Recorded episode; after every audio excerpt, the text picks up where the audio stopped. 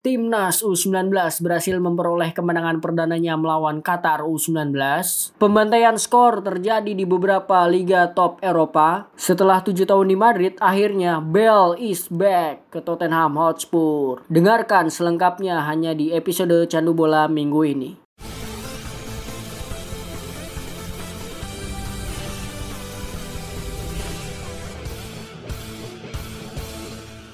Hey, hey, hey, selamat datang di podcast Sandu Bola, sebuah podcast olahraga persembahan dari The Talkative Guy. Ketemu lagi di hari Senin nih bersama gue, tentu aja gue nggak sendirian, ada Adit. Halo, Dit. Halo, Bob. Ini menjelang bursa transfer tutup nih makin menggeliat nih, terutama di Liga Inggris nih, Dit. Tanggapan lo gimana? Singkat aja dulu sebelum kita bahas yang lain. Walaupun sebenarnya geliat ini nggak serame tahun-tahun sebelumnya ya karena pandemik, hmm. tapi ya lumayan lah udah mulai ada transfer-transfer besar melibatkan klub besar juga. Dan kelihatannya sampai penutupan tanggal 5 Oktober mungkin ada kejutan lagi sih. Betul. Nah ini nih kurang lebih bahwa 24 jam aja nih bisa banyak kejutan nih dia apalagi nanti masih 5 Oktober masih lama nih kita masih bisa ketemu lebih lanjut nih. Nah, yang pertama nih kan selalu dong gue sebagai yang masih kayak gue termasuk orang yang masih ngamatin timnas gitu kan kayak masih sering update kayak gitu-gitu. Nah gue pengen berbangga dulu nih timnas U19 kita akhirnya menang nih dia di persahabatan lawan Qatar nih. gimana gimana? Gue gue jujur kalau untuk timnas ya ini ada perbedaan gue sama lu. Kalau gue ah.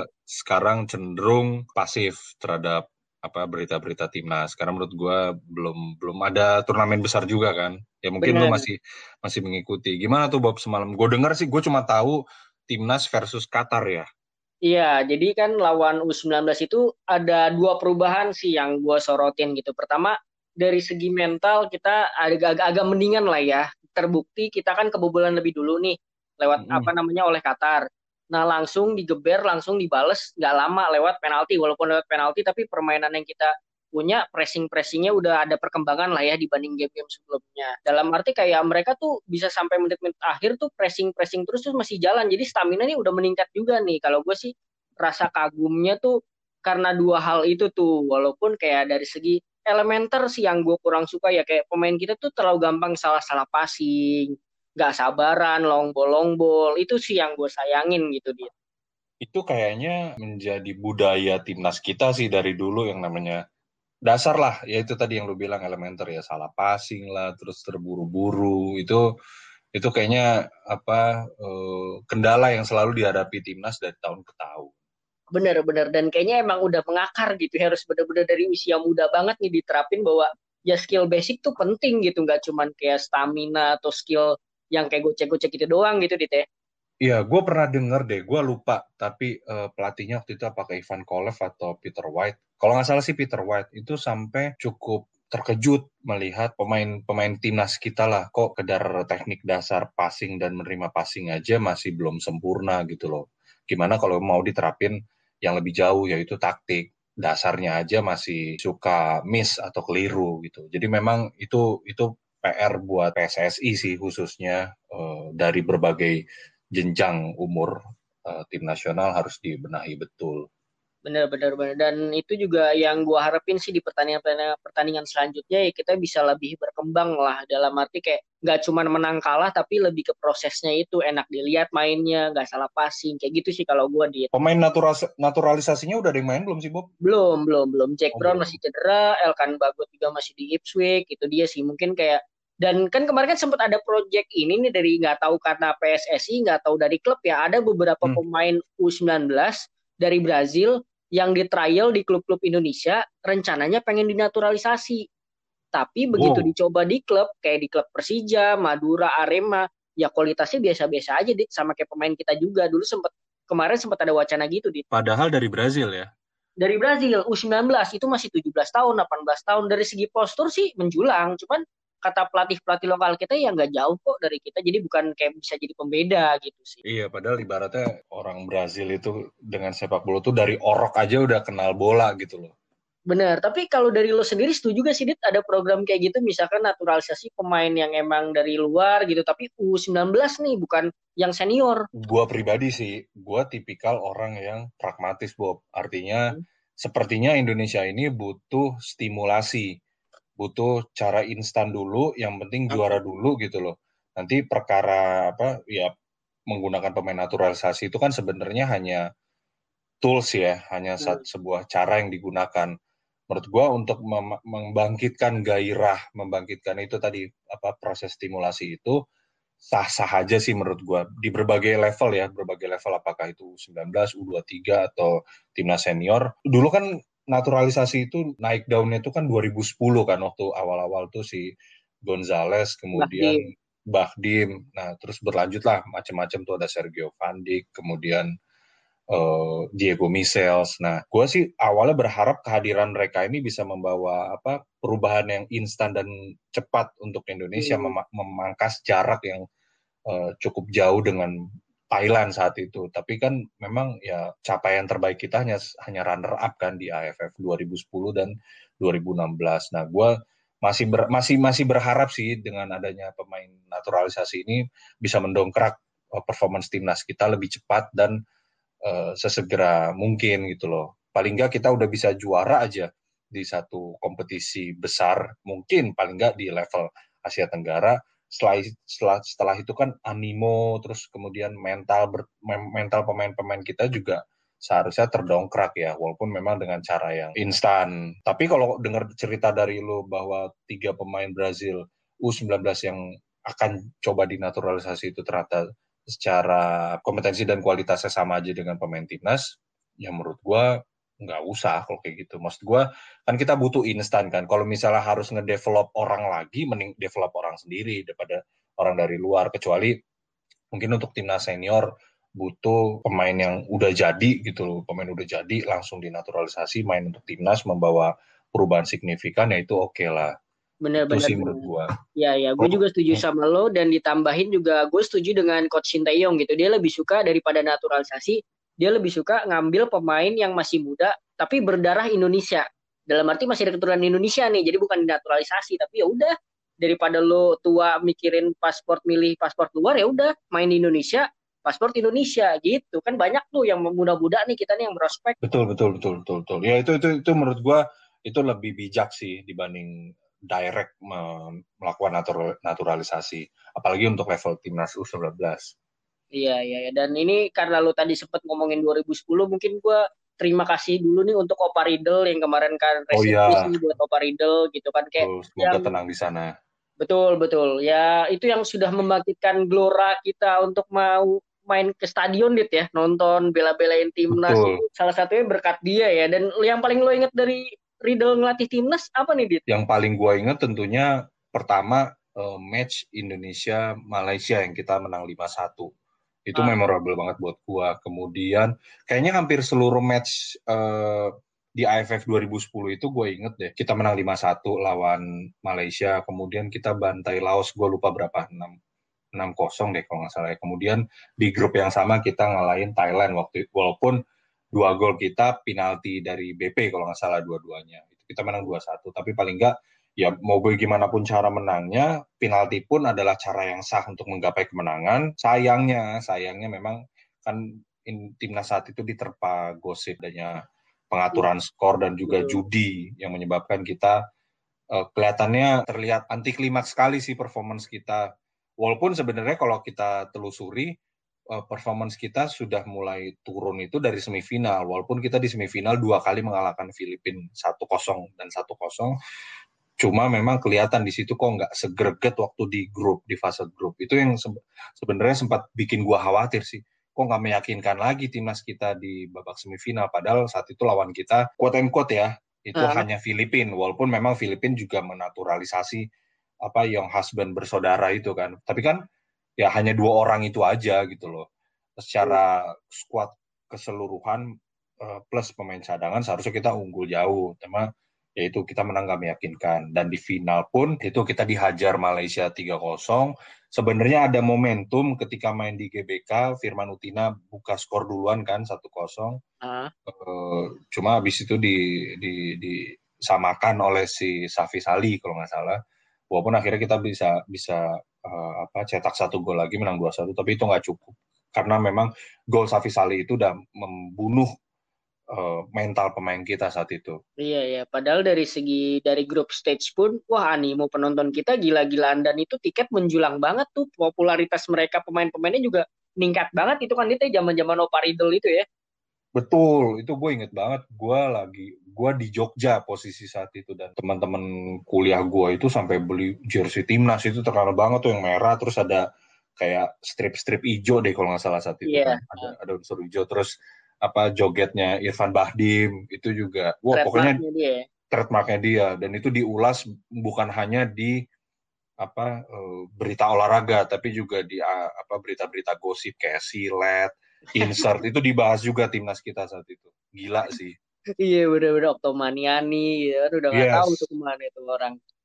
Tuh. Iya, nah ini kalau udah ti- kalau soal timnas itu aja lah gitu. Ini kita geser ke soal ulasan pertandingan, Dit. Ini kan liga-liga Eropa udah pada mulai nih liga top-topnya nih. Ada yang mau dibahas dari lo dulu gak nih? Kalau gua sih ya mungkin dari liga eh, liga top Eropa ya pasti yang pertama kita bahas mungkin IPL kali ya yang memang Hmm. apa gudangnya pemain bintang banyak pemain apa klub-klub besar juga. ya pelatih-pelatih top juga ngumpul di situ. Kemarin itu Everton baru aja metik kemenangan keduanya nih. Dia ngalahin eh, West Bromwich eh, Albion 5-2 dan James Rodriguez udah cetak gol perdana. Kemudian kan mus- eh, minggu sebelumnya ngalahin Spurs ya 1-0. Iya, benar. Jadi ini dia eh, saat ini ada sudah ada tiga tim dari eh, IPL yang menang berturut-turut memper, apa eh, mengoleksi 6 poin full artinya ada Everton, Arsenal dan juga Crystal Palace yang kemarin ngalahin MU 3-1 mengejutkan juga tuh. Nah, iya, kemudian Leeds, Leeds eh, Menang. lagi-lagi ini tipikal tipikal Bielsa ya memang dia menerapkan formasi atau taktik yang menyerang jadi memang pertahanan itu nomor sekian kemarin lawan Liverpool kalah 4-3 sekarang menang lawan Fulham 4-3 Iya, benar-benar itu Iya. itu seru banget sih kalau Leeds lawan Fulham itu kan gue juga nonton gitu. Emang Bielsa efek.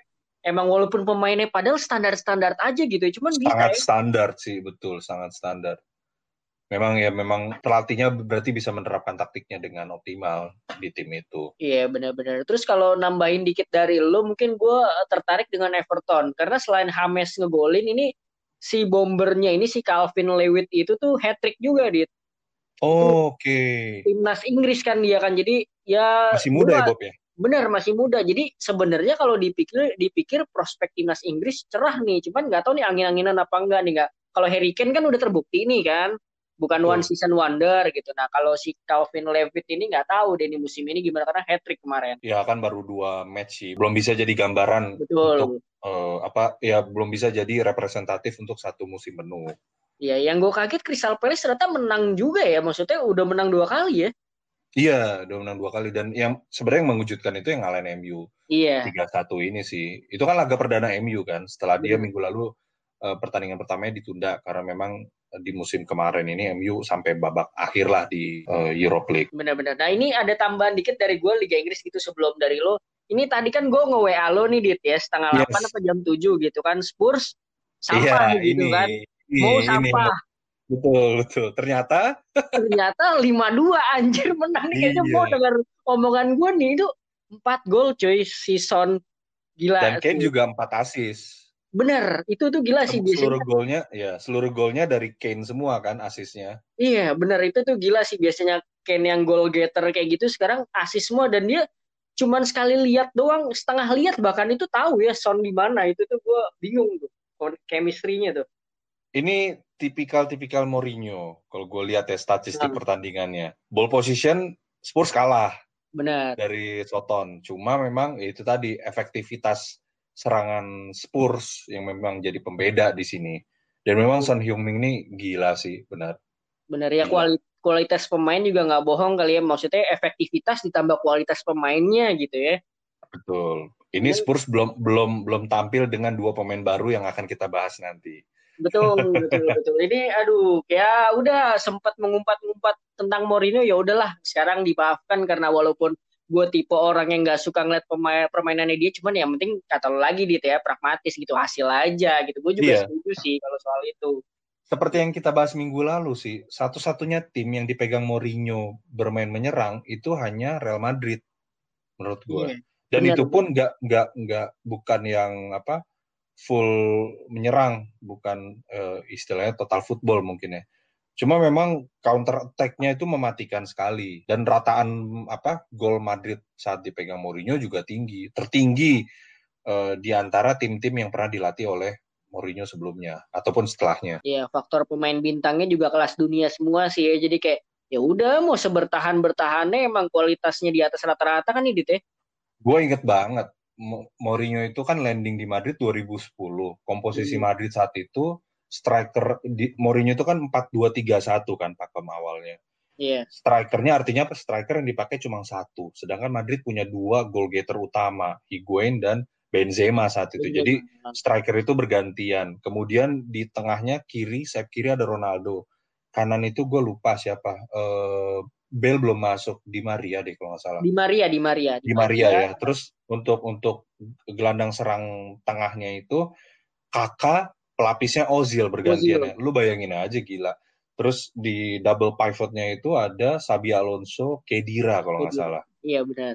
Gila sih itu. Maksud gua lu punya Higuain dan Benzema di apa di usia mereka yang sedang usia emas tapi yang dibutuhin cuma satu gila itu menurut gua ya kakak aja pelapisnya Ozil yang lagi hot-hotnya itu kan Piala Dunia Betul, bahkan ujung-ujungnya kakak yang jadi pelapisnya Ozil. Iya. Ozil menit bermainnya lebih, lebih banyak dibanding kakak. Iya, iya benar. Nah ini ulasan pertandingan liga-liga lainnya nih dari lo apa nih, Dit? Paling ya ini sih apa Serie A lah. Serie A tuh udah apa menjalankan pekan pertamanya juga. Mungkin dua klub besar yang udah bermain itu Roma, Roma seri, draw 0-0 lawan Verona, kemudian uh, Napoli nih meraih kemenangan perdananya di partai perdananya 2-0. Dan gue baru tahu kalau ternyata eh, dua pencetak gol Napoli itu Insigne dan Mertens. Dan gue baru tahu nih Dries Mertens ini ternyata bertahan di Napoli. Padahal hmm, okay. sebelumnya sempat ada rumor dia tuh dikaitkan dengan Chelsea, dikaitkan juga dengan Inter sebenarnya. Tapi ternyata dia memilih bertahan di apa uh, Napoli. Um, usianya sih juga udah tua, tua 33 tahun. Yeah, itu. Yeah. itu sih paling kalau dari hasil per oh sama satu lagi mungkin dari Lal, uh, Bundesliga uh. Bayern Munchen nih match pertamanya aja udah kayak main futsal Gila, 8-0 8-0 Sergei Gnabry ini hat trick kemudian Sane udah langsung cetak gol perdana dan lawan yang di, dihadapi pun bukan sembarangan Schalke iya makanya lawan Schalke aja bisa dicukur habis tuh Betul. Dortmund pun juga menang kemarin kalau nggak salah 3-0. Hmm. Cuma Holland Munchen Gladbach kalau nggak salah. Tapi ini nih menarik perhatian banget sih Bayern Munchen ini. Gila. Schalke digilas 8-0 loh. Bener-bener. Dan itu kan gue kalau gue nonton yang Dortmund ya. Kalau misalkan hmm. Munchen nggak kaget gitu. Gue ngeliat Dortmund pun, Dortmund tuh udah mainnya bagus. Udah lo bayangin Julian Brand, hmm? Reus, Marco Reus itu cadangan gitu. Dalam arti pemain inti-intinya kayak Giovanni Reina, Halan, Sancho gitu-gitu pemainnya udah bagus tapi tetap aja masih kalah superior ya lawan Munchen ya. Iya, itu ada ya faktor X sih di situ di mana mungkin dari segi mentalitas tim dan juga apa secara keseluruhan manajemennya ya tentu Bayern Munchen lebih berpengalaman dibanding Dortmund. Iya, ya skuadnya udah merata gitu aja masih bakal susah nih ya nyaingin Munchen buat juara gitu kan. Betul, betul, betul. betul. Nah itu kalau gue pengen nanya Liga Italia tapi friendly match nih, Dit. Kan lu sama gue oh, kan iya. Kristi nih ya. Yes, Kemarin betul. kan nge ngebantai nih ya walaupun judulnya friendly match gitu kan. Yeah. Lu udah cukup puas gak sih dengan cara permainan, dengan kayak ngegolin siapa, formasi gitu-gitu dengan friendly match kemarin itu? Gua justru dari match kemarin tuh gue penasaran dengan pemain-pemain baru Inter yang uh, apa uh, dengan pemain-pemain baru Inter kayak Hakimi, Kolarov. Kalau Kolarov oke okay lah, dia kan sebelumnya udah lama juga ya melalang buana di Serie A, pernah di Lazio, kemudian sempat singgah memang ke City, sebelum balik lagi ke Roma dan sekarang ke Inter. Dia bisa tune in dengan tim. Kemudian Sensi juga yang sebelum musim kemarin banyak di dibekap cedera juga udah udah main dan dan menunjukkan hasil yang positif. Bahkan di timnas juga dia sempat cetak gol kan sekali. Kemudian uh, Hakimi. Nah, ini gue suka hmm. banget nih ngeliat anak ini. Kayaknya sih posisi slot uh, winger back kanan Inter ini nggak akan tergantikan si Hakimi. Jadi kayaknya dan Daniel De Ambrosio ini benar-benar jadi akan jadi penghangat bangku cadangan selama satu musim penuh. Gila sih Hakimi Bener. ini benar-benar speednya, kemudian penempatan posisinya, wah Postur juga mendukung ya, Dit ya? Postur juga mendukung. Dan ini loh yang gue heran, Madrid kok ngelepas ya sosok pemain kayak gini. Padahal bek kanan Madrid kan Dani Carvajal juga udah udah bukan dibilang Tua, usia iya. muda juga. Bener-bener ya itu, ya gue nggak ngerti sih kan. Tapi setahu gue sih Madrid menerapkan opsi bukan buyback tapi apa bukan buyback tapi dia bisa kayak no nyamain penawanan pertama gitu kalau nggak oh, salah. Enggak, gue inget klaus klausulnya Inter itu untuk si Hakimi. Next kalau Inter mau apa mau menjual Hakimi, tim pertama yang ditawari dulu Real Madrid. Iya, setahu iya, klaus gue ya, setahu gue klausulnya kayak gitu. Overall match Inter kemarin ya belum bisa dibilang sebagai representatif Inter yang sesungguhnya sih karena memang lawan-lawan yang dihadapi kan memang di bawahnya. Jauh Uh, paling yang yang yang paling bagus tuh yang match terakhir ini Pisa, Pisa tuh di seri B. Uh, itu pun Inter masih menang 7-0 dan mainnya di GCP Meazza uh, kemudian sudah dihadiri 1000 penonton. Jadi memang kan dari Liga Eropa juga kelihatannya akan mulai perlahan-lahan uh, menghadirkan penonton di stadion dengan kapasitas tentunya yang masih minim karena terkait uh, COVID isunya sih Oktober besok ini udah mulai tuh ada seribu. Nah kemarin Inter udah nyoba. Soal Erikson sama Skriniar nih, nih yang kemarin main di friendly match bahkan Erikson sampai nyetak dua gol nih, lo lo pikir mereka bakal kayak kepake banget gak nih apa ya? Cuman rotasi aja lah. Kalau menurut gua, uh, Skriniar sih kelihatannya akan dipakai karena memang Inter ya ini udah nyenggol-nyenggol bursa transfer sih nanti. Nah. Jadi memang uh, Skriniar kelihatannya akan dapat satu posisi di di skema tiga backnya Conte. Apalagi ditambah Godin kan cabut. Nah itu nanti gue akan apa bahas lebih detail di bursa transfer Serie A. Nah kalau untuk Erikson, nah Erikson ini yang masih uh, ya memang harus berusaha keras banget sih meyakinkan Conte untuk memakai dia. Karena memang Erikson kalau ditempatkan di apa lima gelandang sejajar ini kurang moncer. Dia memang tipikalnya kan mirip sama Snyder gelandang serang. Nalurinya lebih menyerang. Lebih menjadi penghubung antara gelandang tengah dengan striker. Jadi memang dia harus berdiri di belakang striker. Jadi kalau misalnya Erikson main Inter berarti main pakai tiga empat satu dua bukan tiga lima dua dengan lima gelandang sejajar. Kita langsung lanjut seperti yang tadi kita udah senggol-senggol dikit nih soal bursa transfer. Nah, gitu kan. betul. Mau mulai dari mana nih lo bahasnya nih? Dari yang paling mutakhir dulu nih ya. Yang tadi kayaknya kita udah sempat singgung juga ada hmm. sebuah tim dari kota London Utara baru aja menang 5-2 Tottenham Hotspur. Iya. Jadi Spurs ini baru kedatangan dua pemain kan tadi gue gue mention kan. Siapa oh, nih Bob? Ya ini seperti yang gue harap-harapkan dari dua tahun terakhir sih kalau yang pemain pertama ini Gareth Bale gitu karena gue ngerasa pertama dari segi skill dia masih bagus gitu. Cuman hmm. ya daripada dia ke klub lain ya udahlah bantuin aja nih ngasih mental juara dan ngasih trofi-trofi kecil-kecilan lah kayak apa namanya Europa League apa Karabo apa apa gitu ke Tottenham gitu kan ke klub ininya yang buat dia bisa segede di Madrid gitu. Hmm. Dan gua ini rada menarik sih. Gue nggak nyangka nih si Reguilon gitu kan. Ini nih oh. lo tadi ini kayak kebodohan apa gimana nggak ngerti Madrid ngelepas dua back sayap potensialnya. Nah, Betul, betul banget.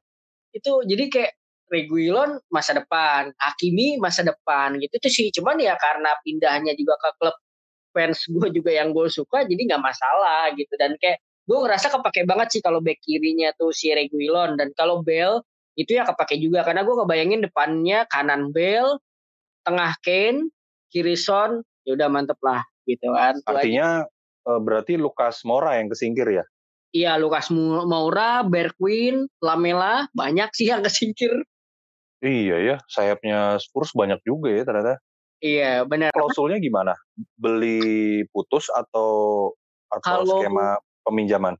Hmm, kalau misalkan bill itu tahun tapi bisa ditambahin jadi dua tahun. Nanti bisa opsi permanen 15 juta kalau misalnya Tottenham mau beli. Wah, murah gitu, banget tapi ya. sekarang dipinjemin dulu gajinya itu 60% dibayarin Madrid, 40% dibayarin Tottenham. Banyak duit nah, Madrid. Tapi, bener, tapi yang malesnya adalah nih empat minggu nih makan gaji buta nih Gareth Bale minimal karena cedera pak. Oh. Jadi dia Kacau kayaknya sih. tuh emang emang sengaja dipas-pasin di ini tuh ada turnamen golf beberapa hari lagi di London. Uh. Ya udah kayak mungkin dia ikut turnamen golf itu kali gue gak ngerti kan dia kan golfnya ini banget nih. Gak ngerti gue itu makanya aduh ya udah deh yang penting jago kan orang jago bebas lah karena gue yakin Bale bisa ngasih perbedaan lah ya di, di, di lini depan walaupun gue nggak tahu nih dari segi taktik sama Mourinho gimana nih bakal masuk apa enggak gitu. Bale tuh nah, pernah dilatih Mourinho nggak ya? Belum pernah berarti ya? Seingat gue belum pernah, Dit. Kan itu kan periode di Maria dia di Madrid itu, bukan Bale. Iya, begitu Bale masuk, pelatihnya Ancelotti dan Ancelotti, langsung iya. dan langsung Champions League kan.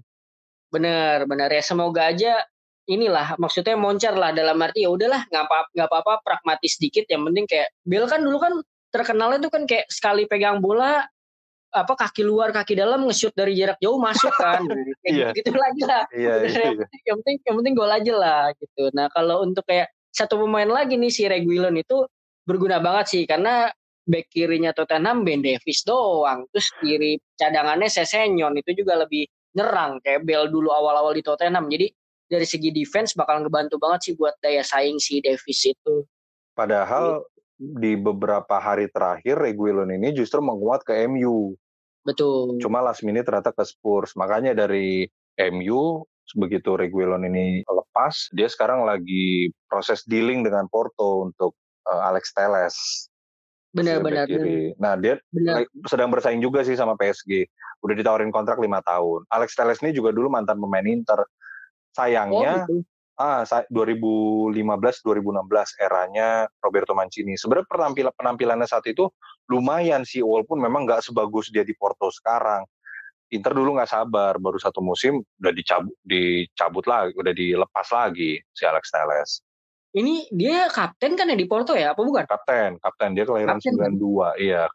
Dan dan memang kalau nggak salah memang dari Porto sih awalnya. Hmm, oke. Okay. Gue baru tahu tuh pernah main di Inter. Ya pokoknya kalau pernah, soal Tottenham itulah pokoknya gue berharap ya kan seperti kata Mourinho dia masih butuh center back. Oke, gue setuju gitu kan karena gue tadi kayak ngeliat si isunya sih Bruno Diasnya Benfica kalau nggak salah pokoknya orang Portugal gitu sama ini temennya oh, Son Kim Ruben Dias. Ya. Eh Ruben Dias, eh gue nggak tahu pokoknya Dias Dias gitulah. Ya, pokoknya Benfica. center back tuh. 22 uh, tahun tuh kalau nggak salah masih muda. Uh, terus sama Kim Min Jae. Nah gue nggak tahu deh kalau pemain Korea gitu kan ya udahlah kayak gue yang penting ada backup stopper gitu kan buat kayak si apa namanya buat ngelapisin si Dyer yang kalau misalkan main tuh sloppy sloppy gitu kayak kayak tadi aja dit itu kebobolan satu gol itu bisa di antara dua center back yang gede-gede si Davis sama Dyer itu bisa dikirim umpan tuh sama bek kanannya Southampton Alderweireld nggak inti ya? Alderweireld. Lagi dicadangin pak. Gue nggak tahu oh, sih karena apa dicadanginnya kan karena em, ya? karena gue nggak tahu karena emang udah tua gitu. Maksudnya kayak kontraknya tinggal diperpanjang setahun dua tahun lagi. Kalau kan kemarin baru diperpanjang nih. Hmm. Nah, gue nggak tahu nih karena emang pengen matenin yang muda si Dyer sama si Sanchez apa karena emang nyari match fitness aja? Karena kan ini Tottenham main tiga pertandingan tiga pertandingan ke depan nih dalam waktu lima atau tujuh hari gitu okay, minggu depan.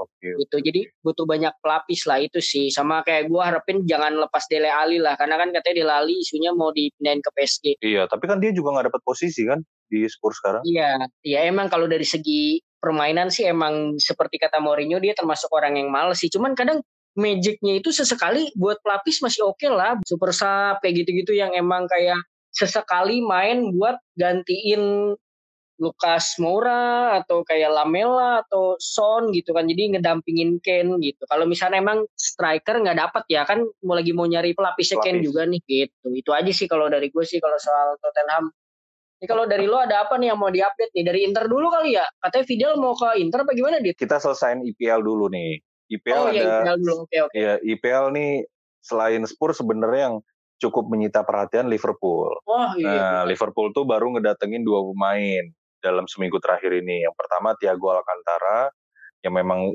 udah sudah nggak kaget Jadi sih orang-orang ya. Ya udah rumor ini udah udah jauh-jauh hari. Kemudian satu lagi Diogo Jota, uh, wingernya uh, Wolves ya kalau nggak salah ya. Uh, Diogo hmm, Jota ini. Nah, kehadiran Thiago Alcantara yang sebelumnya diprediksi akan menyebabkan Wijnaldum cabut ke Barca ternyata enggak karena ternyata Wijnaldum ini tidak jadi ke Barca karena financial rules La Liga yang cukup strict. Jadi kelihatannya dia akan tetap bertahan di uh, Anfield. Kemudian kehadiran dari si Thiago Alcantara ini menyebabkan uh, rumor bahwa uh, Alex Oxlade-Chamberlain uh, akan cabut dan udah muncul tawaran nih dari Wolverhampton. Kemudian kalau untuk tim lainnya itu ya Manchester City yang udah resmi mendatangkan Nathan Ake 41 juta pound sterling. Nah, minggu lalu gue juga sempat uh, bilang kalau Chelsea menginginkan Declan Rice. Cuma ternyata dari West Ham-nya nggak menjual, statusnya not for sale. Ini kelihatannya efek domino nih. Kalau Declan Rice nggak jadi ke Chelsea, artinya mm -hmm. uh, Lampard membutuhkan satu gelandang bertahan murni. Dan kelihatannya, uh, eh dan itu berarti Kante kemungkinan besar bertahan dan tidak jadi ke Inter. Nah, baru dari situ kita masuk ke Inter nih. Gimana di efek domino nih berarti efek ya? domino nih. Jadi kalau bursa transfer Inter terakhir itu memang Inter nih skuadnya gemuk banget. Kalau nggak salah tuh ada sekitar 32 atau 33 pemain. Jadi memang PR Inter nih sekarang sebenarnya ngerilis pemain-pemainnya untuk cabut gitu loh.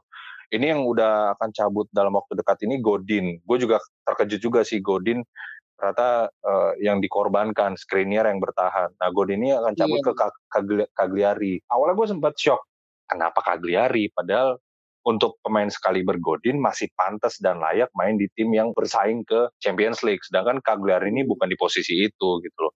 Nah ternyata alasan Godin pindah ke Cagliari karena istrinya orang sana dan mertuanya pun mantan pemain Cagliari. Jadi ada faktor keluarga lah di situ. Dan kelihatannya akan pensiun di situ juga si Godin. Kemudian eh, berikutnya ini dengan kehadiran Hakimi memaksakan uh -huh. Reva cabut ada tiga tim sih yang yang siap oh, iya, dan iya. ya ada tiga tim yang siap nampung Genoa, Sampdoria atau uh, Fiorentina. Kemudian Skriniar pun masih diliputi transfer rumors. Uh, isunya PSG sedang ngincer dia. Kemudian, hmm. nah untuk pemain yang akan datang, yang jelas uh, kabarnya sih Vidal udah sampai di Milan akan melakukan tes medis uh, dengan biaya transfer free. Cuma memang gajinya dia itu sekitar 5 juta euro di musim pertama terus naik jadi enam setengah di musim kedua deh kalau menurut gue dan satu lagi Darmian Darmiannya Parma. Jadi memang uh, ketika Parma mendaratkan Darmian dari MU itu ada kerjasama dengan Inter. Jadi memang di musim pertama main di Parma kemudian musim berikutnya di Inter. Kelihatannya sih Vidal dan Darmian ini akan menutup bursa transfer dari Inter. Kecuali Inter bisa melakukan pemain, uh, penjualan pemain yang masif Misalnya contoh Erikson hmm. yang punya yeah. apa nilai jual tinggi, Erikson atau Brozovic. Kalau Erikson atau Brozovic cabut, salah satunya aja itu artinya Inter punya fresh money untuk datengin Kante. Tapi kalau dua pemain itu bertahan, kelihatannya sih Kante akan sulit untuk direalisasikan. Dan untuk pemain-pemain lain yang squad apa yang menggemukan squad Inter ini kelihatannya akan diputus kontrak seperti Barca lah. Dia putus kontrak si Vidal, uh, jadinya free. Nah nanti Inter akan banyak tuh kayaknya pemain-pemain free yang akan di ya udahlah lu cabut lah mau ke mana terserah gitu loh. Karena beban gaji Inter itu jadi ya, berat sekali kalau pemain-pemain ini ditampung dan nggak main juga kan buat apa mending Bener. di, mending di tendang-tendangin lah lu cabut sana udah kontrak lu gue putus uh, lu cabut intinya kayak gitu sih nah. itu kalau dari Inter nah gue kemarin lihat Salcedo Salcedo siapa nih ya itu oh, di Inter sih itu pemain muda, pemain muda. Nah, kemarin itu Inter memang butuh striker keempat kan sebenarnya setelah Lukaku. Lotaro, kemudian Sanchez kan udah ada tiga. Karena striker keempat Inter musim lalu si Sebastian Esposito itu kan masih terlalu muda, 17 tahun. Oleh yeah. Conte dia di, di dilepas dulu dengan status pinjaman. Kelihatannya sih ke Spezia. Pokoknya intinya dilepas status pinjaman supaya apa ya dapat pengalaman banyak di tim lain gitu. Nah, Inter butuh striker keempat. Makanya muncul tuh beberapa nama sempat Giroud lah, gitu ya. ya sempat Giroud, sempat Fernando Llorente itu striker-striker usang sebenarnya. Nah, terakhir akhirnya Inter uh, meresmikan si Pinamonti. Pinamonti pun dulu pemain mudanya Inter yang memang dilepas ke Genoa.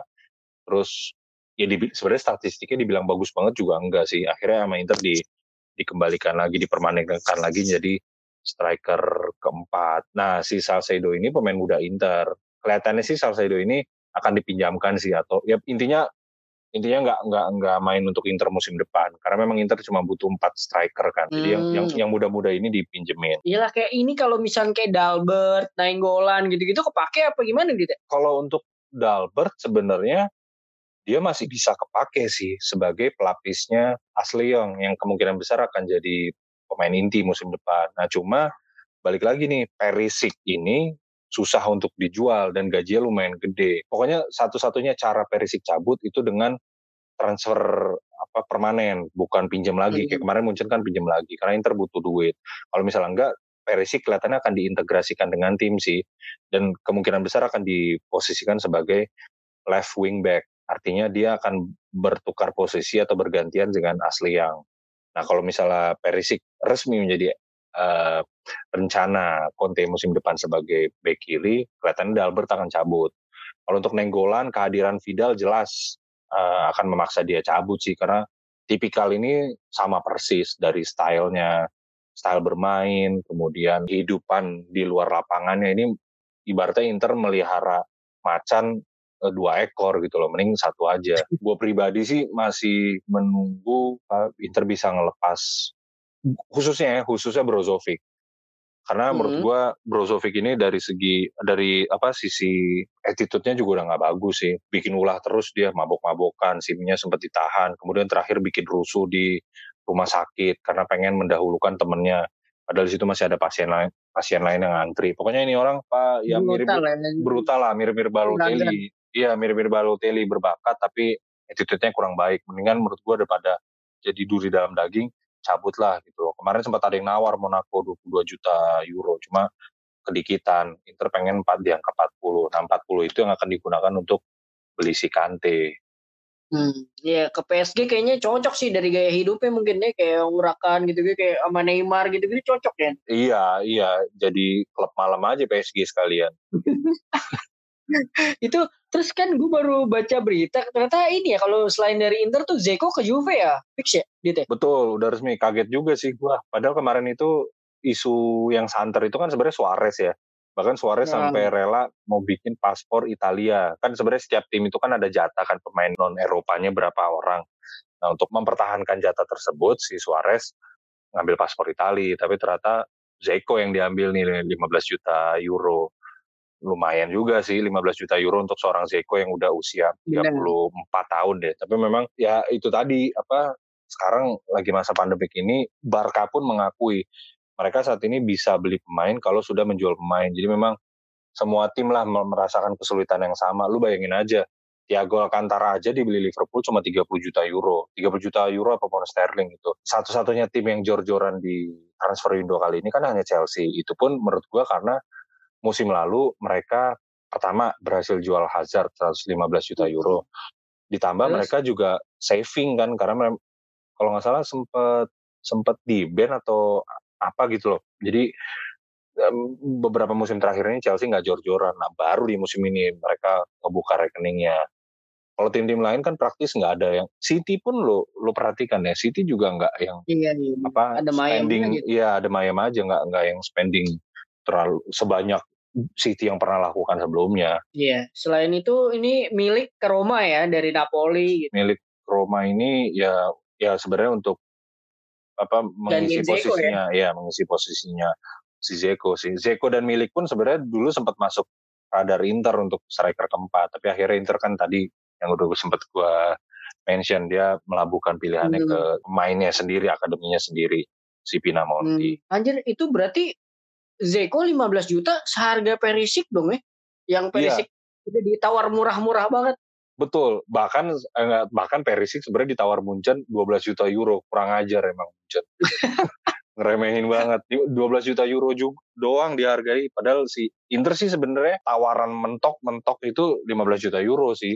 Cuma nggak ada nggak ada tim yang mau dan mampu. Iya, benar-benar ya. Kayak Suarez aja kan tetap akhirnya walaupun gak jadi ke Juve kan tetap pengen pindah juga kan, pengen dibuang Barca juga kan? Pindah. Is, uh, kabar terakhir menguat justru ke Atletico. Hmm, Suarez. Okay. Hmm. Kemarin sih sempat sempat ya media namanya media masa gue sempat baca sih di salah satu saluran media ada kemungkinan juga kalau Suarez dilepasnya secara gratis, Inter punya kemampuan untuk ngambil dia sebenarnya. Tapi kan menurut gue buat apa sih ada ada lima striker gitu loh empat striker aja hmm. cukup. Apalagi kalau misalnya nanti Perisik bertahan ya. Perisik masih bisa diintegrasikan di tim sebagai striker. Benar, takutnya ngerusak suasana tim juga di teh. Betul, udah gitu gajinya gede kan Suarez. Dan dia sekarang yeah. dan dia dari poster terakhir gua nonton waktu di Bantai Munjan, dia gemuk loh sekarang.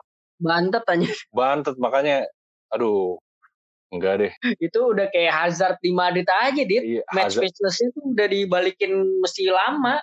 Iya, iya benar. Tapi mungkin beda sih kalau misalnya Spanyol kan masih menuntut permainan teknik, Uh, iya. Kemudian lebih cepat lah gaya permainan dibanding Italia. Kalau di Italia mungkin uh, ibaratnya Maradona sekarang main pun masih bisa kali karena iya. taktikal banget di Italia. Terus kalau dari transfer ada lagi gak dit dari update-update liga lain nih? Kalau liga lain nggak ada. Paling terakhir Roma sih. Roma kan uh, udah resmi datengin Pedro kan. Pedro satu lagi Kumbula. iya, dit? iya Pedro Rodriguez udah tahu. Pedro udah, udah main kok kemarin pas seri draw oh. kosong kosong main Pedro. Kemudian Kumbula, Kumbula Maras Kumbula. Maras Kumbula ini sebenarnya pemain yang diincar Inter kan awalnya. Cuma yeah.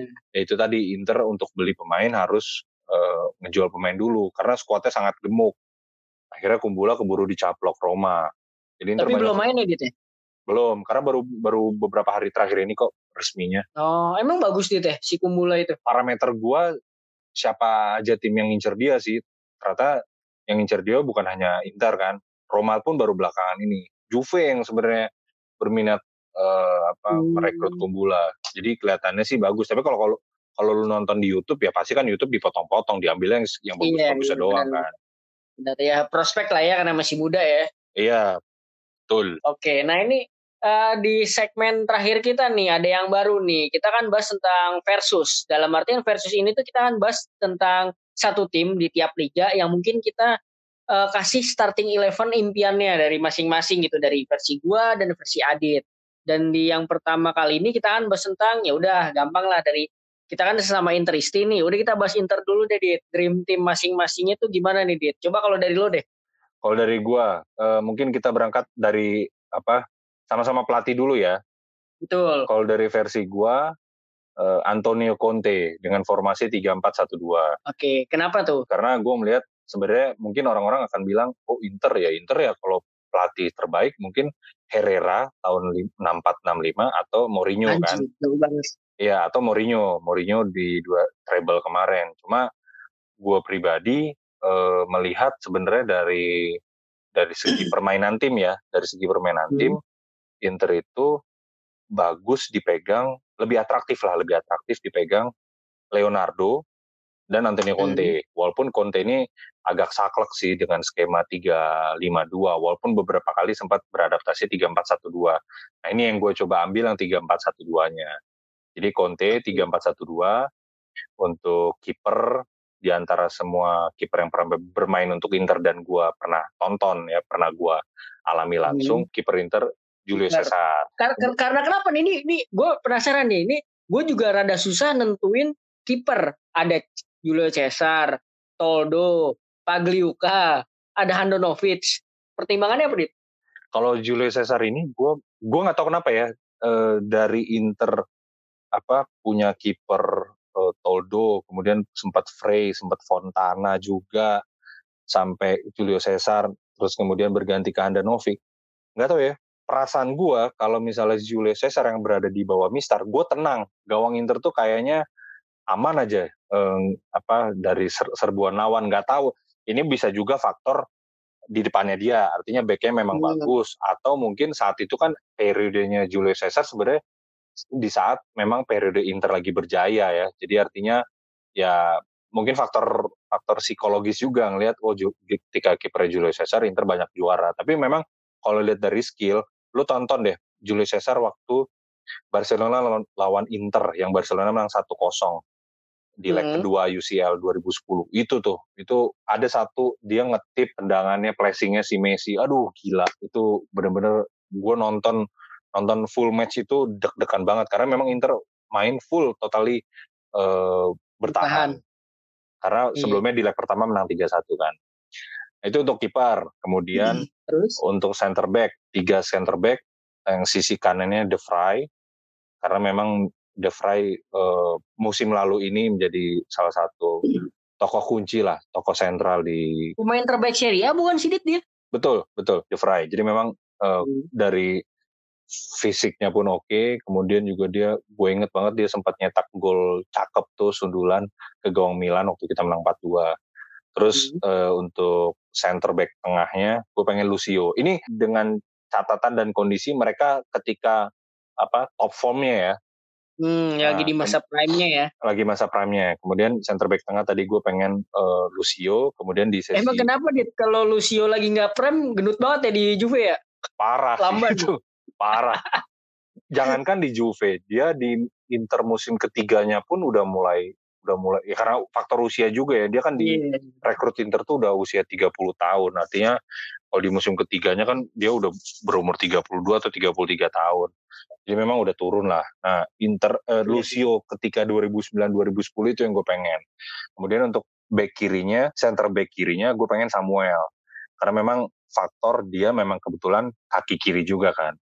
Jadi pas komposisi The Fry, Lucio, Samuel. Kemudian kita naik lagi ke apa gelandang tengah, empat gelandang tengah sejajar itu right wing backnya Inter, Maicon. Udah nggak ada, udah nggak bisa ditawar lah kalau untuk back kanan. Bahkan kalau yeah. gua disuruh buat dream dream gua versi dunia pun untuk posisi back kanan, gua Maicon. Gila itu, ibaratnya lo lo ngelihat The Rock main sepak bola lah Maicon itu parah sih parah banget iya, apalagi dia menurut gua udah perfect banget sebagai seorang bek kanan ya. Fisik oke. Okay. Kalau nggak salah tingginya tuh 181 atau 183. Speed ada, teknik ada, shoot jarak jauh juga ada. Gue inget banget dia musim 2011-2012 itu di match terakhirnya Inter lawan Milan dia nyetak hmm. gol long shoot sampai Amelia tuh terdiam dengan golnya hmm, dia. Iya. Makanya udah Maicon udah nggak bisa diganggu gugat lah. Mungkin orang akan mungkin orang akan bilang Zanetti ya. Cuma kalau gue harus versuskan Zanetti dengan Maicon, gue pilih Maicon sih.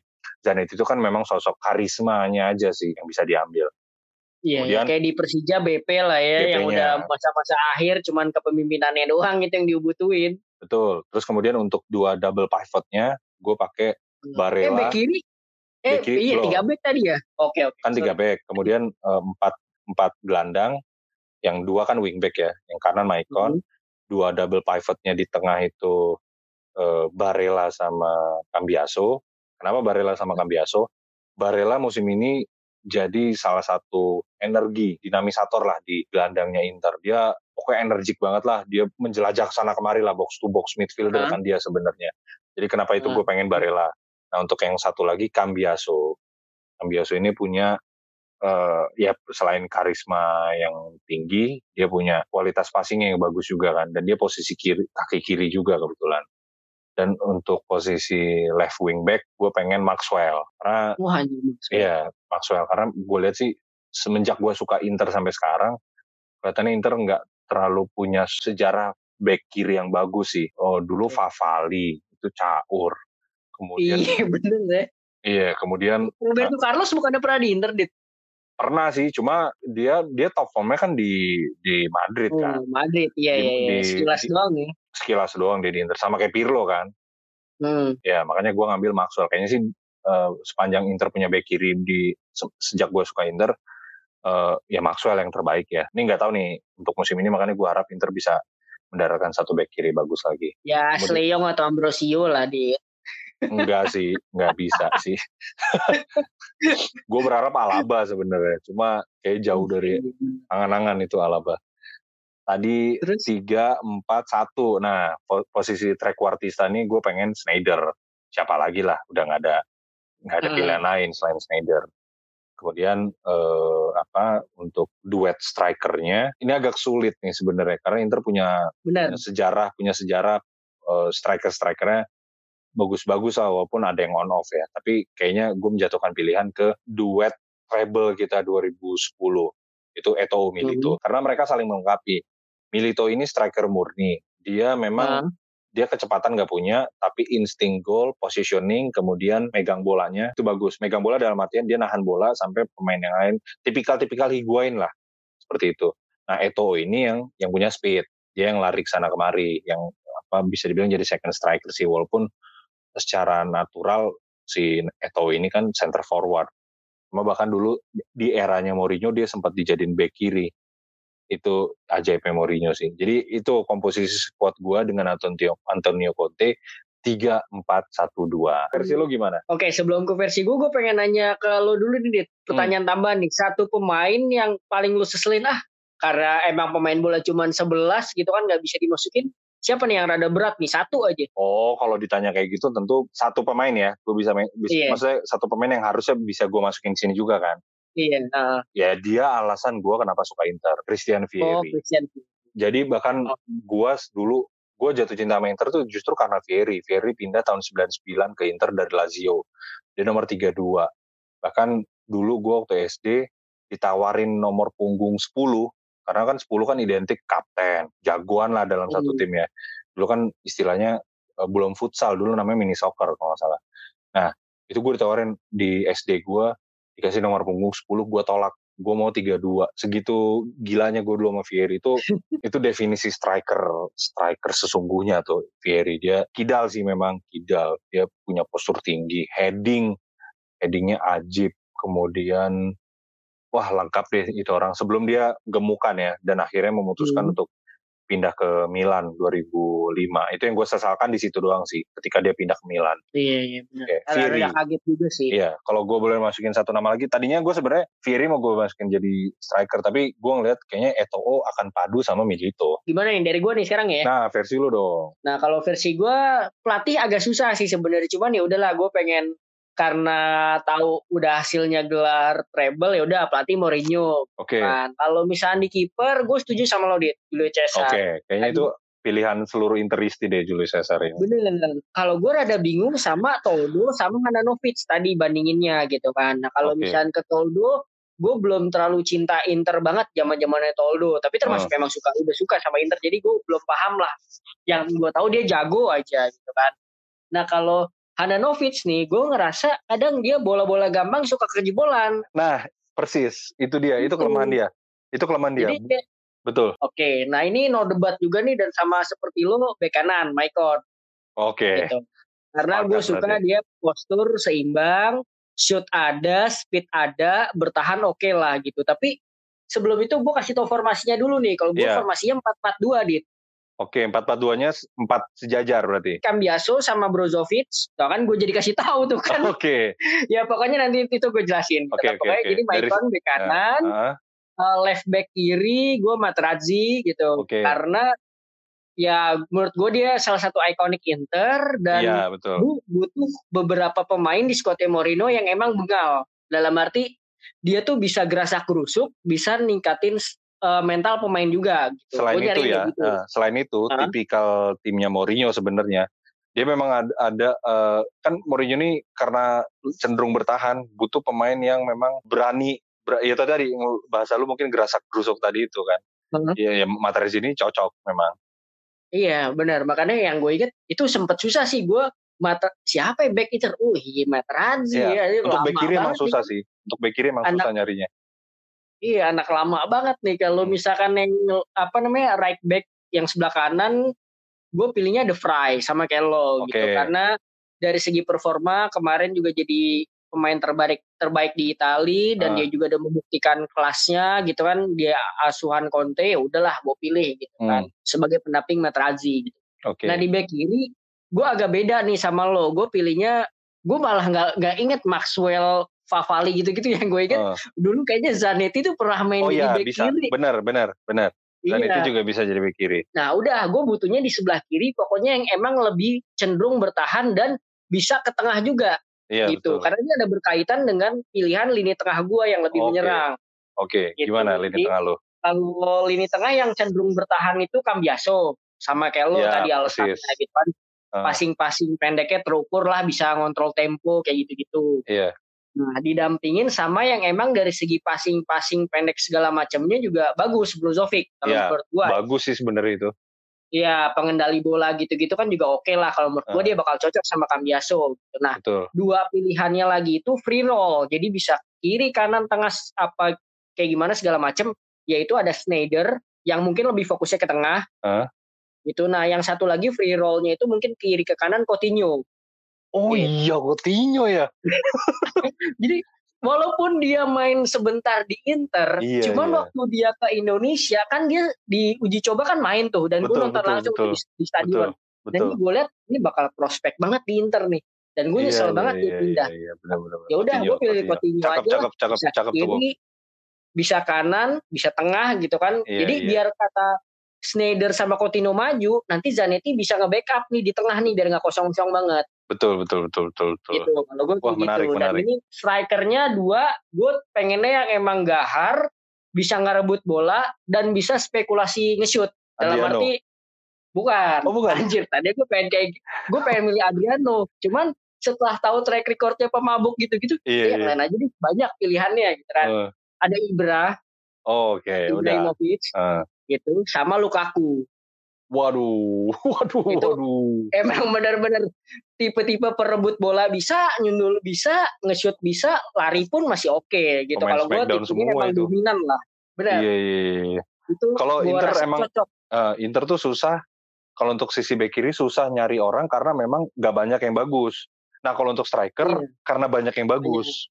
Ngambil banyak, dua tuh iya. susah memang. Ibra, iya, banyak, Ibra, ya sebenarnya kalau boleh jujur ya Ibra, Ibra performance di Inter bagus sih. Cuma ya gue kenapa nggak pick up si Ibra? Karena dia pertama dia pindah ke Milan. Kemudian itu yeah. salah satu alasan gue juga nggak nggak ngambil Fieri satu lagi ada momen-momen yang menjengkelkan lah untuk Interisti waktu pertandingan Inter lawan Milan yang dia habis cetak gol penalti dia emang sempat ada sedikit konfrontasi sama Julio Cesar. Habis itu dia ngasih gimmick pelunjuk di mulut ke ke arah tribun kurva Nord iya, ke, iya. arah kurvanya apa Ultra Seita ya Inter itu brengsek sih menurut gue Iya, kayak nggak kelihatan cinta Inter gitu ya. Memang enggak, kan memang enggak. Dia lebih lebih lebih berdarah Milan sih. Oh gitu, Dit? Iya. Gue take out apa enggak deh? ya. enggak, tapi tapi kalau dari segi skill sih ya gue suka gitu pemain. Oh iya, nggak nggak itu nggak bisa dipungkiri. Memang harus diakui. Menarik, menarik, menarik. Boleh diadu nih dari dalam buah pertandingan ngepes. Boleh nih. Kapan apa nih tunggu pandemi beres kita ngepes ngepes dikit lah, tipis-tipis lah. Ayolah, boleh boleh boleh boleh. Ya, jadi menarik, menarik. ini segmen yang baru dan menarik juga nih kan. Jadi mau gak mau kita ngasah pengetahuan bola kita lagi, ngedata-data lagi, ngeriset-riset lagi gitu gitu ya. Ingat-ingat masalah. Betul, betul. Betul, betul. Ya, makanya kayak ya mungkin pendengar kita para cabolers pengen yang interisti juga nih mungkin atau internona gitu kan pengen ngasih tahu di kolom komen DM eh, Instagram kita at Guy boleh nih. Setuju gak dengan dream team versi gua atau versi AW gitu atau ada versinya sendiri gitu. Jadi boleh lah ya ikut partisipasi gitu gitu ya. Monggo silakan. Sekali lagi buat pendengar kita nih jangan lupa di follow at underscore ID para cabulers dengerin kita. Thank you juga nih Dit ya udah mau waktunya nih ya buat thank you juga Bob ngobrol-ngobrol kali ini siapa tahu nanti dengan minggu depan nih liga bergulir makin ramai lah ya pembahasannya. Betul dan juga jangan lupa siapin uh, apa tim versus lo minggu depan. Thank you juga Yo. buat pendengar kita para cabulers sampai ketemu minggu depan. Bye bye. Bye. Don't forget to follow us on YouTube, Spotify, and Instagram at the Talkative Guy underscore ID.